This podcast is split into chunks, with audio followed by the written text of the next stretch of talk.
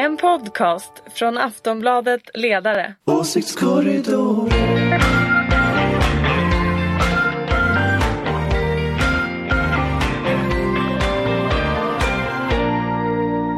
Hej och välkomna till Åsiktskorridoren. Eh, det råder faktiskt full sommar i vårt avlånga land och barnen sjunger Den blomstertid nu kommer i veckan. Eh, men vi kör på ett tag till. Eh, den här veckan ska vi prata om Liberalerna, vi ska prata om Danmark och vi ska prata lite grann om Järvaveckan som inleds den här veckan. Och så kan vi prata lite om Boris. Ja, vi kan, du kan få pr- bonus prata lite om Boris. Det kan vi få göra. Där hörde ni Ulrika Schenström som moderat. Hej. Och vi har från Aftonbladets ledarredaktion Daniel Svedin Hej. och Anders Lindberg. Hej! Och jag heter Anna Andersson. Och det är måndagen den 10 juni. Vi har precis ätit lunch när vi spelar in det här. kan man bra veta. Om det händer någonting som inte vi Torskrygg. pratar om. Du har torskrygg, har jag åt en halvdanssallad. Så så många gånger förr. Lax. Man ska aldrig äta fisk på måndagar, det vet jag från Göteborg. Av någon Ändå har du gjort äter det. jag ändå fisk på måndagar idag och det var, det var Här ett i Stockholm misslyckande. äter vi dålig fisk Ja. dagarna ända. Ja, min lax var sådär faktiskt. Det finns ett litet torsk i just eh, Mälaren också så det, det är liksom, den har ju, Alla kommit, fel på den har en ju gång. kommit hit någonstans ifrån, förmodligen för rätt länge sedan tror jag.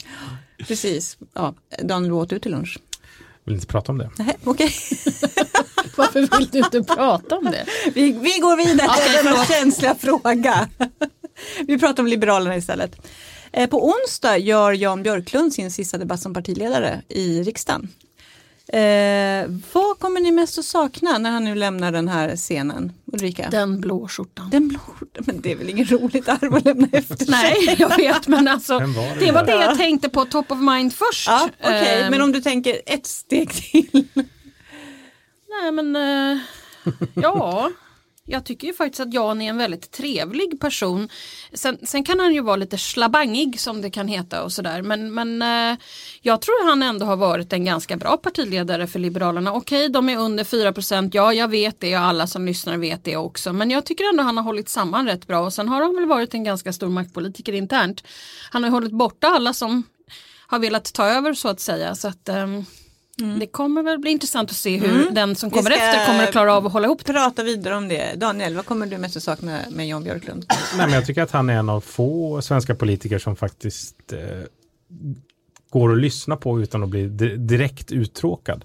Han har ju ett, eh, det- det finns liksom, det är roligt att han pratar dialekt, det är roligt att han är lite rolig, det är roligt att han eh, är liksom slagkraftig och liksom eh, hemfaller rätt ofta till populistiska skamgrepp och sådär. Det blir ju lite Underhållande. spänst- Slabangig som Ja. sagt. spänstighet i debatten. Och det kommer jag sakna för att det, de här pretendenterna som vi väl återkommer till, eh, ingen av dem får man ju riktigt samma vibb av som honom.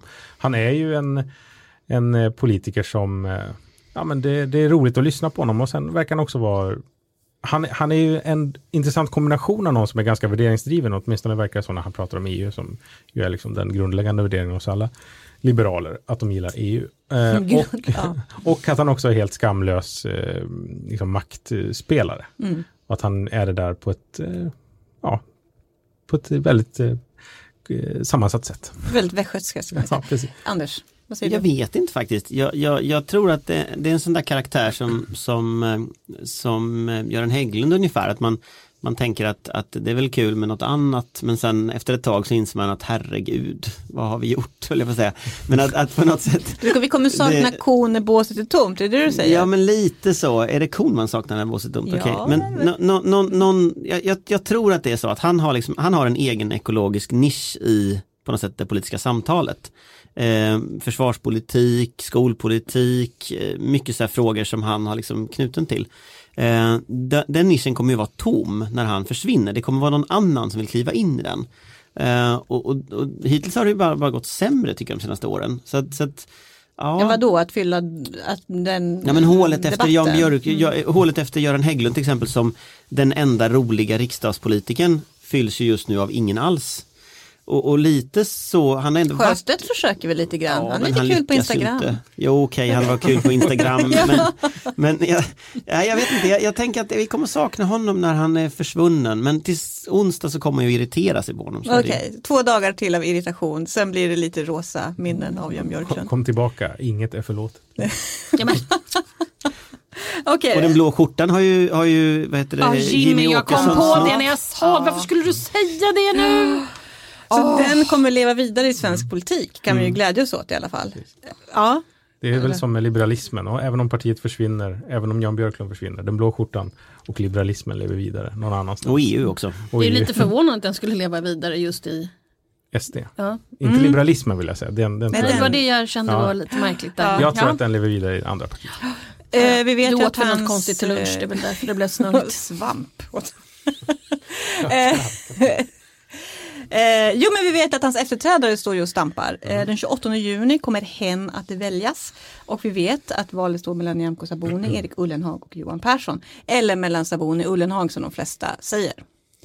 Ja, jag tror Eh, att det är... Det skrivs inte Det några alltså debattartiklar som försvarar Erik Ullenhag har räknat till 51. Jag tror det är väldigt svårt att det blir Sabuni efter den här härvan här. under- Ja, vi ska prata om den. För att hon i förra veckan så gav hon en intervju till Expressen där hon bland annat sa att visionen om det mångkulturella samhället måste begravas. Och hon pratade även om asylprocessen på ett sätt som fått människor att undra om hon egentligen tycker att Sverige ska ha någon asylprocess överhuvudtaget.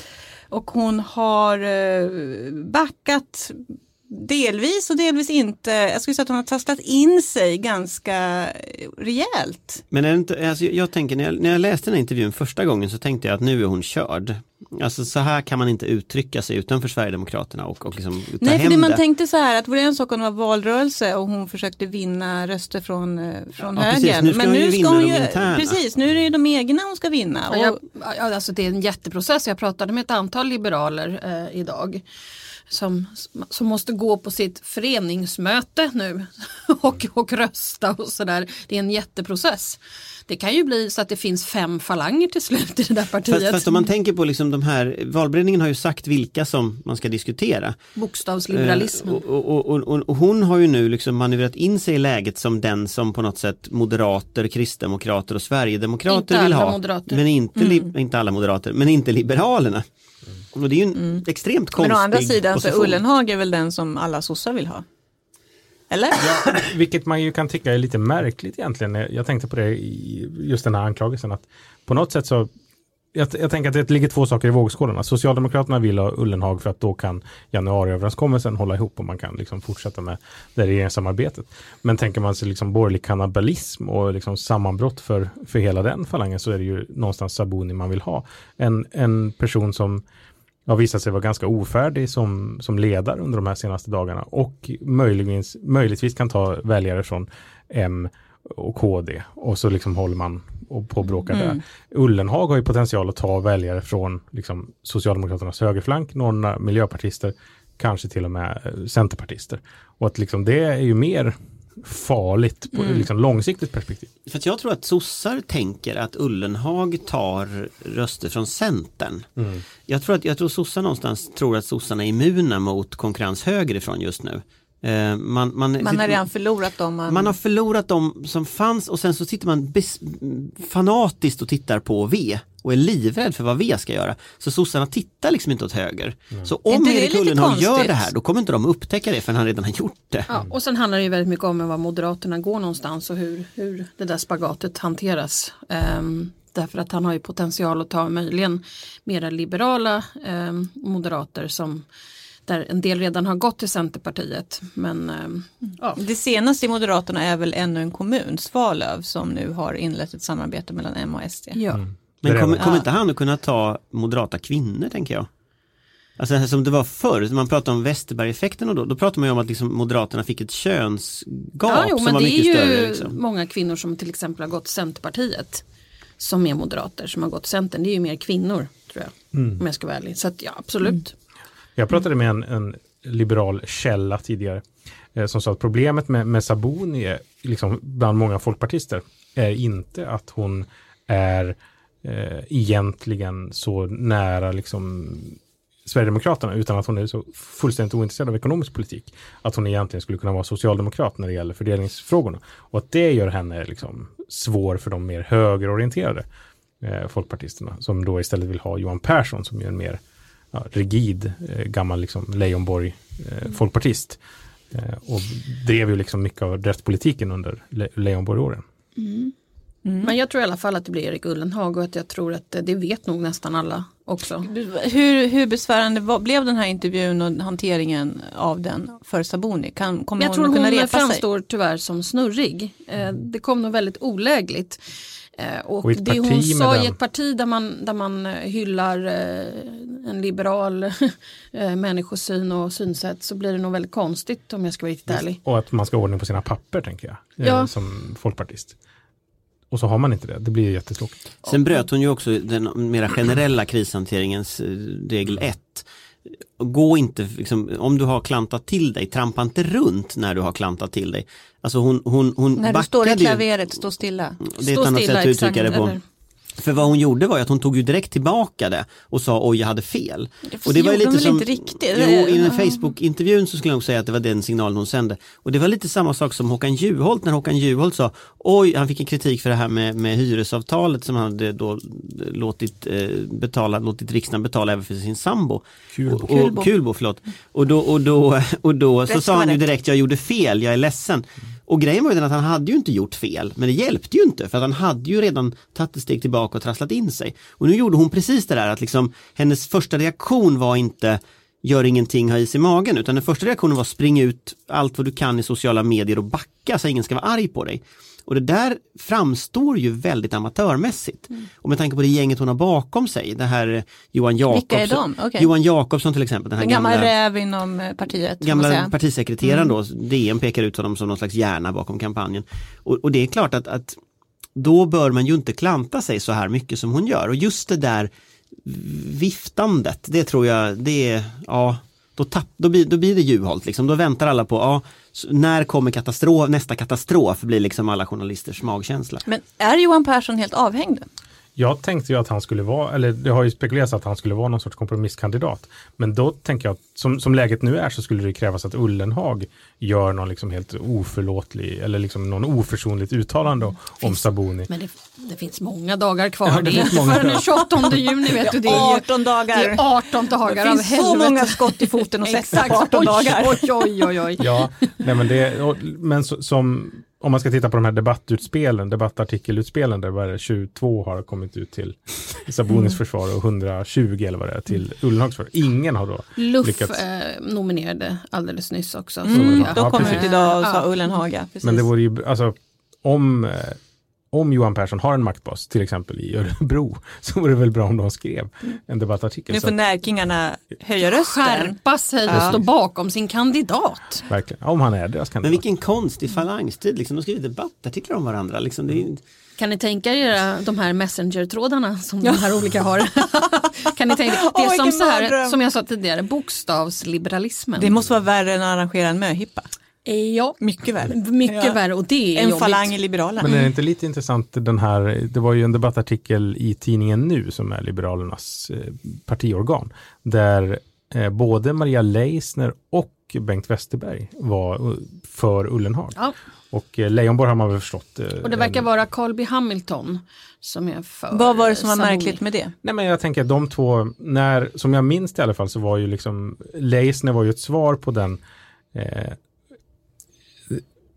Westerberg hade liksom sänkt opinionssiffrorna för att man tyckte att han hade orienterat sig för mycket till, till mitten på något sätt under Bildtåren och inte har bråkat med hur man skulle förhålla sig till Ny Demokrati.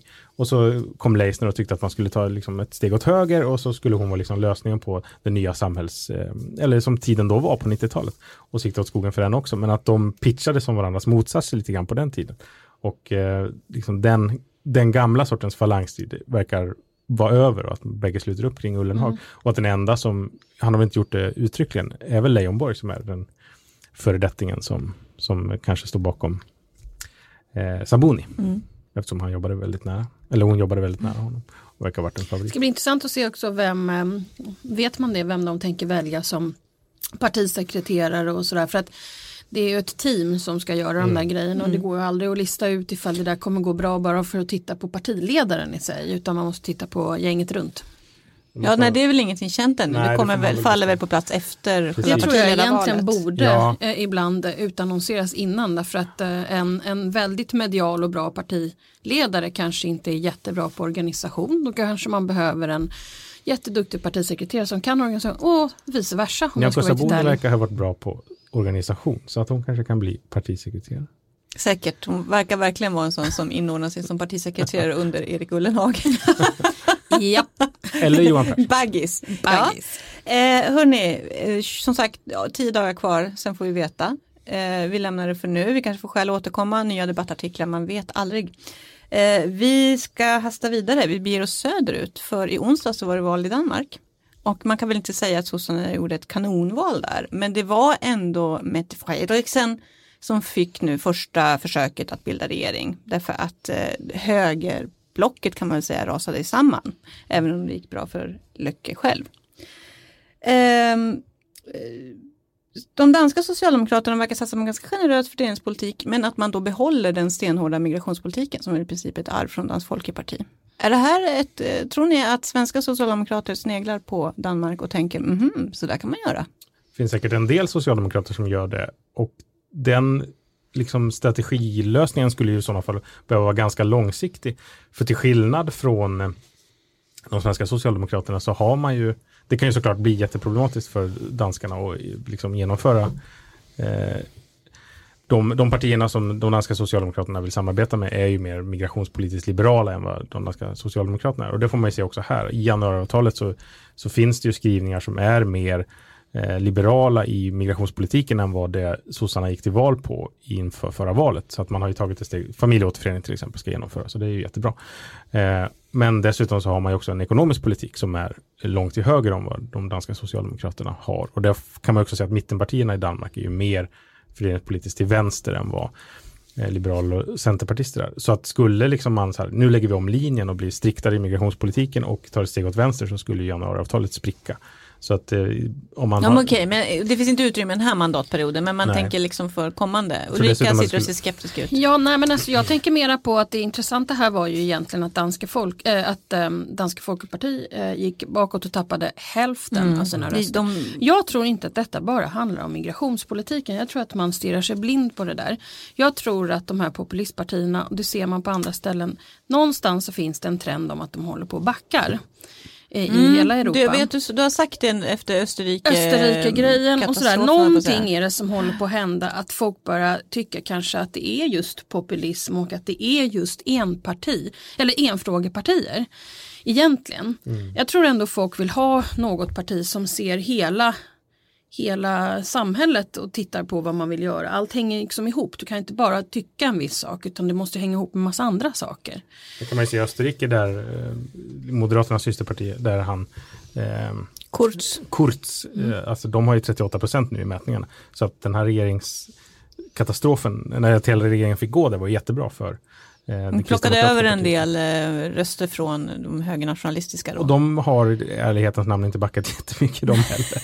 Nu 3 procentenheter. Förvånansvärt många tyckte att det var helt okej att Ja, diskutera men att sälja å andra sidan är det någon slags trend ändå som, som vi ser som jag tror är en motreaktion mot det här. Förut fanns det ju ingenting. Men då menar du att Sverige ligger efter här? Liksom, Vi ligger eller? jättemycket efter för titta bara på hur parti, eh, partierna ser ut i Danmark där vi har pratat om det här så många gånger Anna, det här med i Moderaternas Sverige är Skåne, Bayern och Stockholm, Berlin. Alltså det här, nu kanske det är så att förhoppningsvis Moderaterna klarar av att hantera den här spagatet men det gjorde man ju inte i eh, Danske konservative som var ett liberalkonservativt parti som splittrades och hälften gick åt eh, vänstra, alltså Liberalerna och hälften gick till Dansk Folkparti. Ja det är hårdraget naturligtvis. Men cirka. lite, men så. Eh, och som visserligen faktiskt gick Tired of ads barging into your favorite news podcasts? Good news. Ad-free listening is available on Amazon Music for all the music plus top podcasts included with your Prime membership. Stay up to date on everything newsworthy by downloading the Amazon Music app for free or go to amazon.com slash news ad free. That's amazon.com slash news ad free to catch up on the latest episodes without the ads. Upp 2 eller 3 procent i det här valet. Eh, upp till 7. Men som verkligen var det stora partiet med Schlüter i spetsen under 12 år som ledde regeringen. Så att jag tror ändå att Sverige ligger, ligger i fas efter hela tiden här på något sätt. Fast jag undrar om inte Sverige också ligger på en annan planet. Alltså jag tror inte att den norska och danska utvecklingen, för man har ganska många år sagt att Norge och Danmark eh, har liksom visat vägen i invandringspolitik. Men samtidigt, det, det, var, det var någon som efter det här danska och norska, framförallt det norska EU-motståndet sa att den stora skillnaden mellan Sverige och Norge och Danmark är att i, i Norge och Danmark så finns det en storstad eh, som allt cir cirklar kring. Centrum periferi är två faktorer. Där periferi är en helt central fråga för Fremskrittspartiet i Norge och Dansk Folkeparti i, i Danmark. Sverige har tre storstäder och vi har en, en hel radda mellanstora städer. Eh, vi har en centrum-periferi som är mycket mer komplex. På det sättet. Men, men Och där- just och där- spagatet är, Ja, men kommer ju tydligare här lite. eftersom Absolut, innerstäderna... men vänta, vänta Mm. lite. Där vi kan se att periferin i Norrland röstar på ett helt annat sätt än periferin i Skåne. Ja, så så vi, vi har en helt annan dynamik och då om man tittar på vad är sossarnas väljarkoalition i Sverige? Då är det väldigt många med invandrarbakgrund. Det är de progressiva stadskärnorna och det är eh, det som lite slarvigt kallas för vit arbetarklass. Om du skulle byta linje i Sverige från danska S, då får du antingen då får du hänga av dig någon av de här grupperna.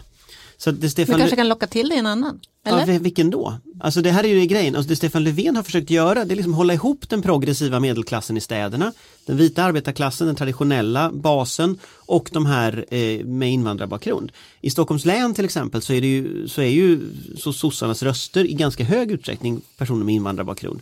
Skulle du i, i, i Stockholms län vända dig åt Dansk Folkepartis håll, då skulle du ju falla som en sten här. Progressiv medelklass gillar det inte heller. Så att, alltså, sossarnas väljarkoalition i Sverige är på ett sätt en annan än i Danmark. Ja, men om ni tänker på retoriken som har varit i Danmark och som retoriken har varit i Sverige, nämligen att både S och SD har lyckats med att splittra alliansen och håller på att splittra Moderaterna. Det är ju väldigt skickligt gjort och eh, hela alliansen har ju gått i det här eh, så kallade, gått på det här.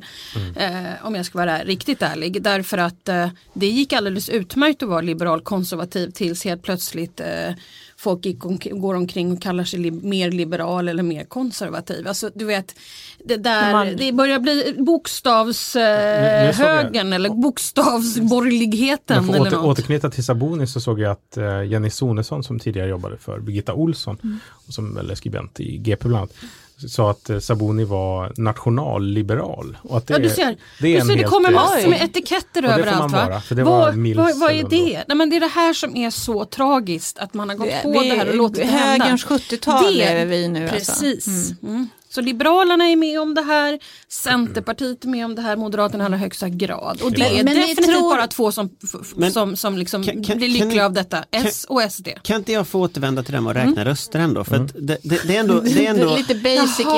inom politiken. jag Ja. tyck- Tänk jag tyck- 51, Nej, 51. nej, men jag tycker ändå, vi ser att storstäderna ökar. Stockholms län ökar med ett antal busslaster människor varje Du dag. menar växer till Växer, sin... förlåt. Vi ser att, att eh, den här, alltså i stora delar av landet, att yngre människor lämnar städerna. De går till en mer urban livsstil. Vad tusan talar för att, så att säga, den typen av värderingsskifte som vi sätter egentligen fortsätter? Alltså kan det inte vara så att det som Ulrika började med att säga att vi ser någon slags peak av den här gruppen. Det kanske var så att, att, att fl- flyktingkrisen, finanskrisen skapade en perfekt storm för de här grupperna som har varat några år nu. Men de, de kriserna klingar ju av. Det är precis så. Och, och, då, och, då, de här, och då ser vi de stora trenderna, globalisering, urbanisering, ny teknik. Det är ju ingenting av det som talar för att liksom någon slags gammeldags nationalism ska växa. Precis så det så. kanske är slutet av det här vi har sett. Eller början på slutet. Början och slutet, ja, men det kanske är Början något på annat som slutet. kommer nu. Liksom. Slutet The på början. of the end. Ja men den Ja. gröna rörelsen till exempel, tyska... Nej Nej men jag tror det. Jag tror det. Någon, Det det kommer, det kommer, annat det kommer skaka lite men på något sätt så finns det något ljus i Ni, ni tunneln tror här. att det håller på att vända så att Ja, det kommer inte... Och det parti som kommer att vinna då i slutändan, oavsett vilket parti vi än pratar om, det är de som faktiskt börjar prata om samhällsproblemen och lösningen och reformerna. Och inte bara har en retorik som är kortsiktigt taktisk utan som faktiskt vill bygga på riktigt. Skattereform, en ny, kanske återinta lärlingssystemet för att öka integrationen. Nu låter du som Erik Ullenhag. Massor med saker. Låter jag som Erik Ullenhag? Jag får skärpa mig. Jag skärper läste du ens debattartikel i DN? Nej, det gjorde jag inte. Nej. Det här var inte bra. Ulrika spontankandiderar till Liberalerna. Hoppla, hoppla. Det, är det här folkpartistiska, lite långsamma, snälla, man går igenom. Ja, eller liksom nya massa... Moderaterna kanske. Jo, men nya Moderaterna snodde ju lite den, det konceptet. Snodde! Och det jag var, tror- det var vi som uppfann. lyssna, Har ni lyssnat på Miljöpartiet på senare tid? Med Per Herregud. Bolund. Han låter också på det här sättet. Ja, men han är turkos. Jo men han låter också så. Det är ändå liksom så här konkreta saker, Ja, prata är inte det om. jättebra? Det, det är det Det mest gör faktiskt Daniel Suhonen också och du också då och då. Det här är det mest deprimerande att liksom det, nya, det nya politiska klimatet kommer vara en massa grön Idéer, idéer och reformer. nyliberaler Helt som ny åker på grej. sparkcykel. Vi pratar helt enkelt om nya skattereformer, en ny föräldraförsäkring. Kanske. Fy säger Daniel. Ni vill ha, ni vill ha Voi-cyklar överallt. Det är, det är det nya som kom.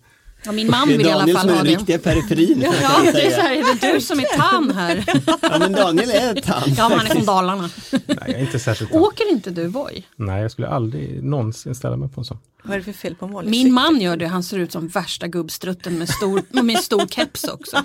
Men, men, men Voi, är det där liksom den nya konfliktlinjen jag går? tänker- Ja, jag tänker att i det- Stockholm är det Lime och Voi, det, det här där är går det. liksom, det här är globaliseringen Det är den och andra framstegen. märket. Det är där, vi, det är där liksom slut, den logiska slutpunkten på det här nya, glada, trevliga Sverige. Då är det och alla ska åka runt på Voi. Man kan alltså åka, man kan alltså åka Lime också. slogan. Det Exakt. finns lite Vadå? olika märken det ska på vi det här. säga, det finns olika märken. Är vi inte public service? Vi får, vi får säga Voi hur mycket vi vill. Eh, nej, men det, Nej, gör inte det, för det verkar ju vara helt Ja, det är livsfarligt. lika farligt att cykla. Jag blir så otroligt irriterad. Det är så här, "Åh, någon har ramlat på sin Voi. Ja, hur många cyklar inte ihjäl sig varje år? Visst. Nej, men om, man ska säga, Mm. om jag får säga en sak till om Danmark bara. är Så att det, är Please. helt, det är helt osannolikt egentligen hur eh, det politiska klimatet där har vindkantrat när man har den här smyckeslagen och liksom att man har en man Att pratar man om, stod och pratade om precis, att eh, hur man etniska skulle... kvoter i olika Ja. förorter och sånt där. Eh, det är klart att man, man, man kan liksom ha jättesynpunkter på liksom den migrationspolitiska omläggningen som Sverige gjorde och det har jag liksom och eh, den migrationspolitiska omläggningen som Socialdemokraterna gjorde i särskilt. Liksom. Eh, men den sortens totala vindkantring som man har gjort i, i Danmark är ju, finns det ju ingen motsvarighet till egentligen i Sverige på det sättet och det kan, det kan hända att det Ja, det- de hade ju också två faktiskt rasistiska partier som nästan kom in Ja, i Folketinget. precis. Men De gjorde inte det. ja. Deportera invandrare Ja, skulle de, de göra. och det, man stod ju faktiskt i debatt och, Och de kom pratade om inte det. in. Nej, de kom inte in, Nej. ska vi säga. Men, men, men man kan väl också, om man räknar röster, var någon som skrev som jag då inte, jag kan inte exakt hur de här väljarströmmarna brukar se ut i dansk politik. Men tittar man på det här nu så är det ju, hade de som inte kom in, eh, det var ju tre små partier till höger som inte kom in. Hade de kommit in, då hade ju maktbalanserna varit omkastade och vänster varit största parti och sådär. Så att på ett sätt kan man säga att, vän, att vänstersidan i politiken i Danmark har ju klarat sig ungefär lika bra alla år. Men högersidan har ju splittrats upp i tusen bitar. Så, att- så att, Och vem kan ligga bakom det? det är Socialdemokraterna. Som av en händelse. Ibland känner jag att du liksom tror för mycket Paludan. om Socialdemokraterna Ulrika. Nej men jag måste ändå säga att de satt ändå i svensk regeringsställning Ja. i 65 och 74 år genom att säga borgerligheten kan inte göra upp. Titta de kommer Hade de aldrig att komma hade överens. de fel då? Nej men du ser och ni var så Ni upprörda. Ni var så upprörda i Men efter 12 dessa år. 150 Men nu är det 000 år. äntligen åter, Ja, åter, ordningen är till, återinsatt Jo, så ni äntligen ni är det klart. klarade att hålla ihop i två val. Två val Ja. sen, efter denna Ja, 65 nej, års men det är väldigt erfarenhet. irriterande att folk nu, gick på nu det här. går vi vidare. Nu ska vi nämligen blicka framåt. Vi pratade reformer och framtid. Vi ska prata om att på onsdag börjar Järvaveckan. Som är alltså ett nytt, eller det är inte helt nytt, det har pågått i några år. Eh, politiskt jippo i, här i norra Stockholm. Eh, det börjar på onsdag, invigs av kulturminister Amanda Lind och sen håller det på i fem dagar till, till och med söndag.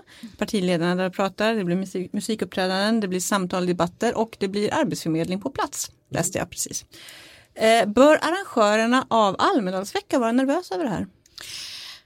Eh, Jag tror inte det har med Järvaveckan att göra men om jag vore arrangör av Almedalsveckan skulle jag börja bli lite nervös i alla fall.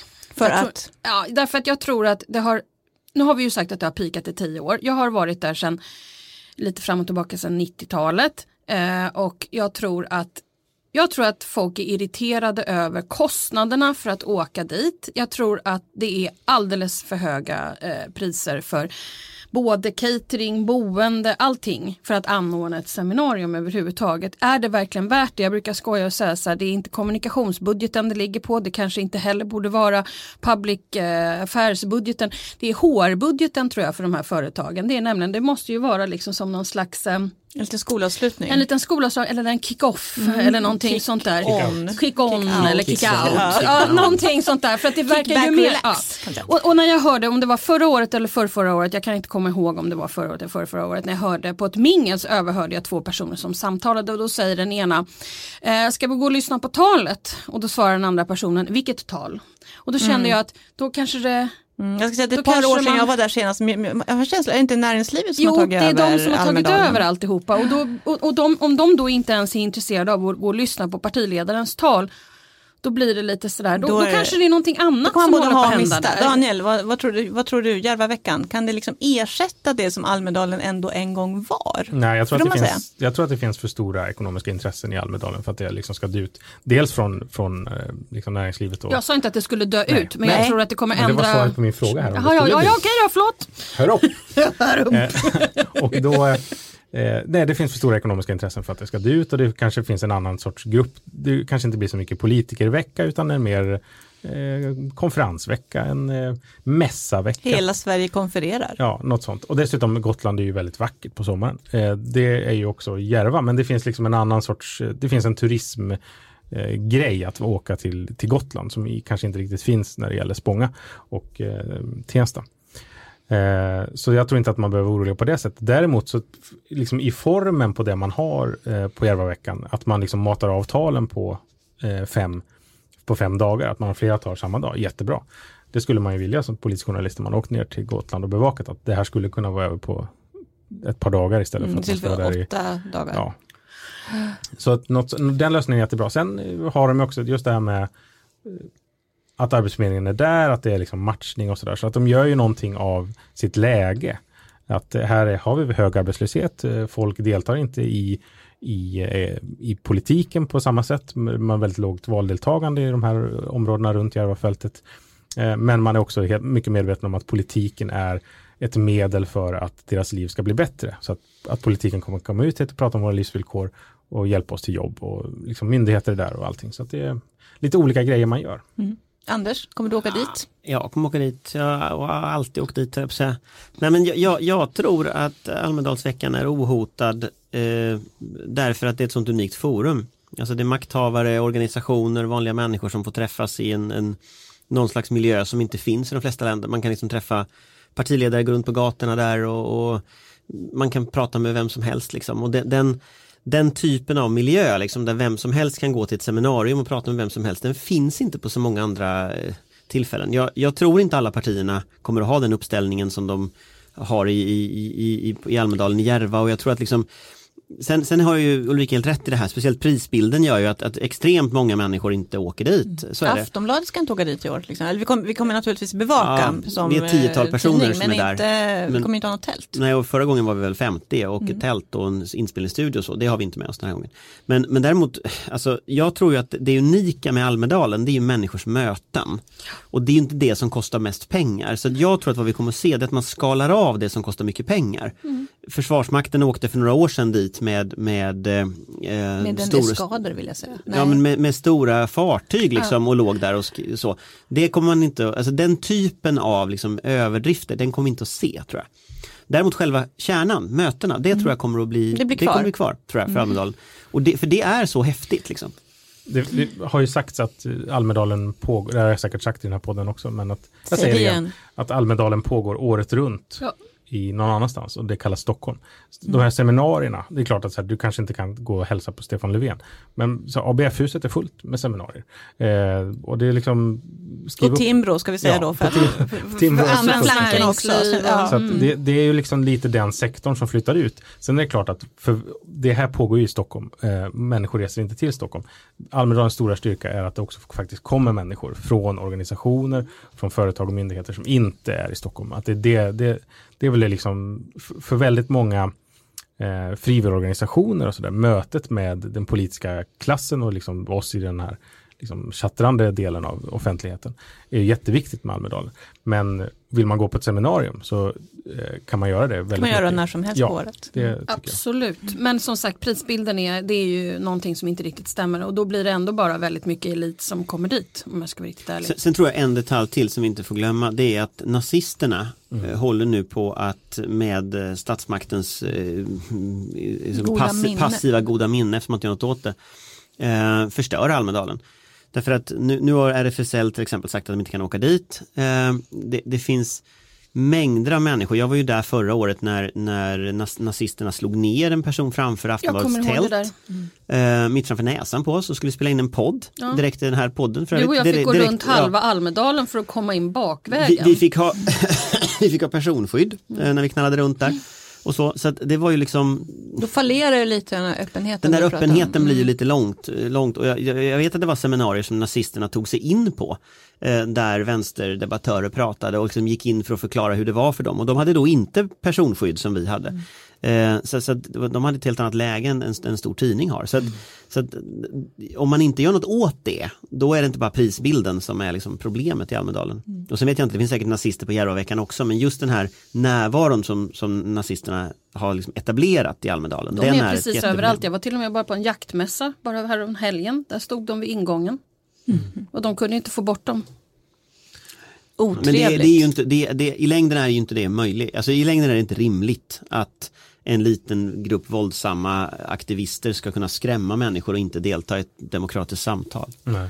Nej, det tyckte jag var drabbande när RFSL sa det, att här, det här gör vi inte för att eh, liksom, vi blir inte skrämda bort härifrån, utan vi, vi kan inte ha en verksamhet som bygger på att vi måste anpassa oss efter nazisterna. Och då vill vi inte åka dit överhuvudtaget. Det är ju liksom jätte... Det är väldigt Ja. eh, beklämmande. Ja, alltså vi Eh, har, I vår planering har vi hela tiden haft att de kommer. Men nu kan vi, inte, vi kan inte ha en sån verksamhet som bygger på det längre. Jag vet inte om den här mångfaldsparaden också blir inställd genom det men traditionellt har det alltid varit en mångfaldsparad, eller traditionellt men sedan några år, mångfaldsparad i Almedalen. Eh, jag vet inte om den blir av nu heller. Alltså, så vi får ju se liksom vad, vad av Almedalen blir kvar eh, om man låter nazisterna. Och det, det är just efter, efter förra Almedalen så lovade faktiskt alla partier att de skulle något åt detta. Och nu är vi ett år senare och jaha. Men vad kan partierna göra åt menar du? Ja, de Är det inte en förbjuda dem. polisiär fråga? Ja, alltså Ja, det, det, men de man kan kan ju förbjuda dem. Moderaterna hade ett förslag som jag tycker är väldigt intressant där man skulle förbjuda verksamheten, deltagande i verksamhet. Och det är klart att det, det, är ju, det kunde man ju göra. Du, du gör det helt enkelt olagligt att, att delta i våldsbejakande extremisters verksamhet. Sen finns det väl ett Till lagförslag exempel som... stå och skrika och förstöra folks tal skulle därmed bli olagligt. Det är ju inte en helt orimlig, Nej. det är inte helt orimligt. Ja, exakt. Nej, men så finns det väl det här förslaget om eh, att man ska förbjuda nazisternas eh, symboler, vilket väl har spunnit som att regeringen vill förbjuda runor, men det är väl inte riktigt tolkningen. Nej, det men, blev väl inte så. Men, det känns som en tråkig ton att sluta på det här, men, Ja. vi, men nu gör vi det ändå. Vi har inte så mycket mer att säga. Ja, sen vill jag Vi- bara säga då att jag... Ja, vi jag skulle prata om Boris Johnson. Ja, nej, men jag, vi Förlåt. behöver inte prata om honom, vi kan prata om honom nästa gång. Ja, det men jag vi kan göra. bara säga att jag tror att det blir Boris. Och det har jag trott hur länge som helst. Så att det finns ingen prestige i det här Vi-. Men, men, men vadå, alltså, det, det, om, när, vad händer då menar du? Det Nej, kommer nej, nej, nej, nej, det jag, kommer jag bara säger, jag bara, nej, katastrof. jag, jag, ja absolut. Att men jag det bara kommer att säger, bli. jag bara säger, det, ja, ja, ja men det är klart det kommer bli katastrof, men det kommer bli Det är Boris. så intressant, verkar så In Det the kommer end bli of the- underhållande. av bara personligt Men maktbegär. ni måste Det- läsa hans böcker om Winston Churchill. Jag tror Boris tror han är Winston Churchill. Byter lite så här, byter lite åsikter, byter lite parti, byter lite fram och tillbaka, lite besvärlig. En det ena, en det andra. Och sen Rise to the occasion, när, Vi får väl se vad som händer. när the crowds Ja, men jag tycker det är oerhört spännande i Storbritannien just nu så vi kan väl prata om Ja, det på det kan måndag. vi återkomma till. Vi återkommer till det på måndag. Kan vi säga. Men tack för den här gången Ulrika Schenström, Nanna Svedin, Anders Lindberg. Vi hörs. Ha en Hej, fin hej. vecka. Hej. Ha en bra vecka, hej! Hej, hej.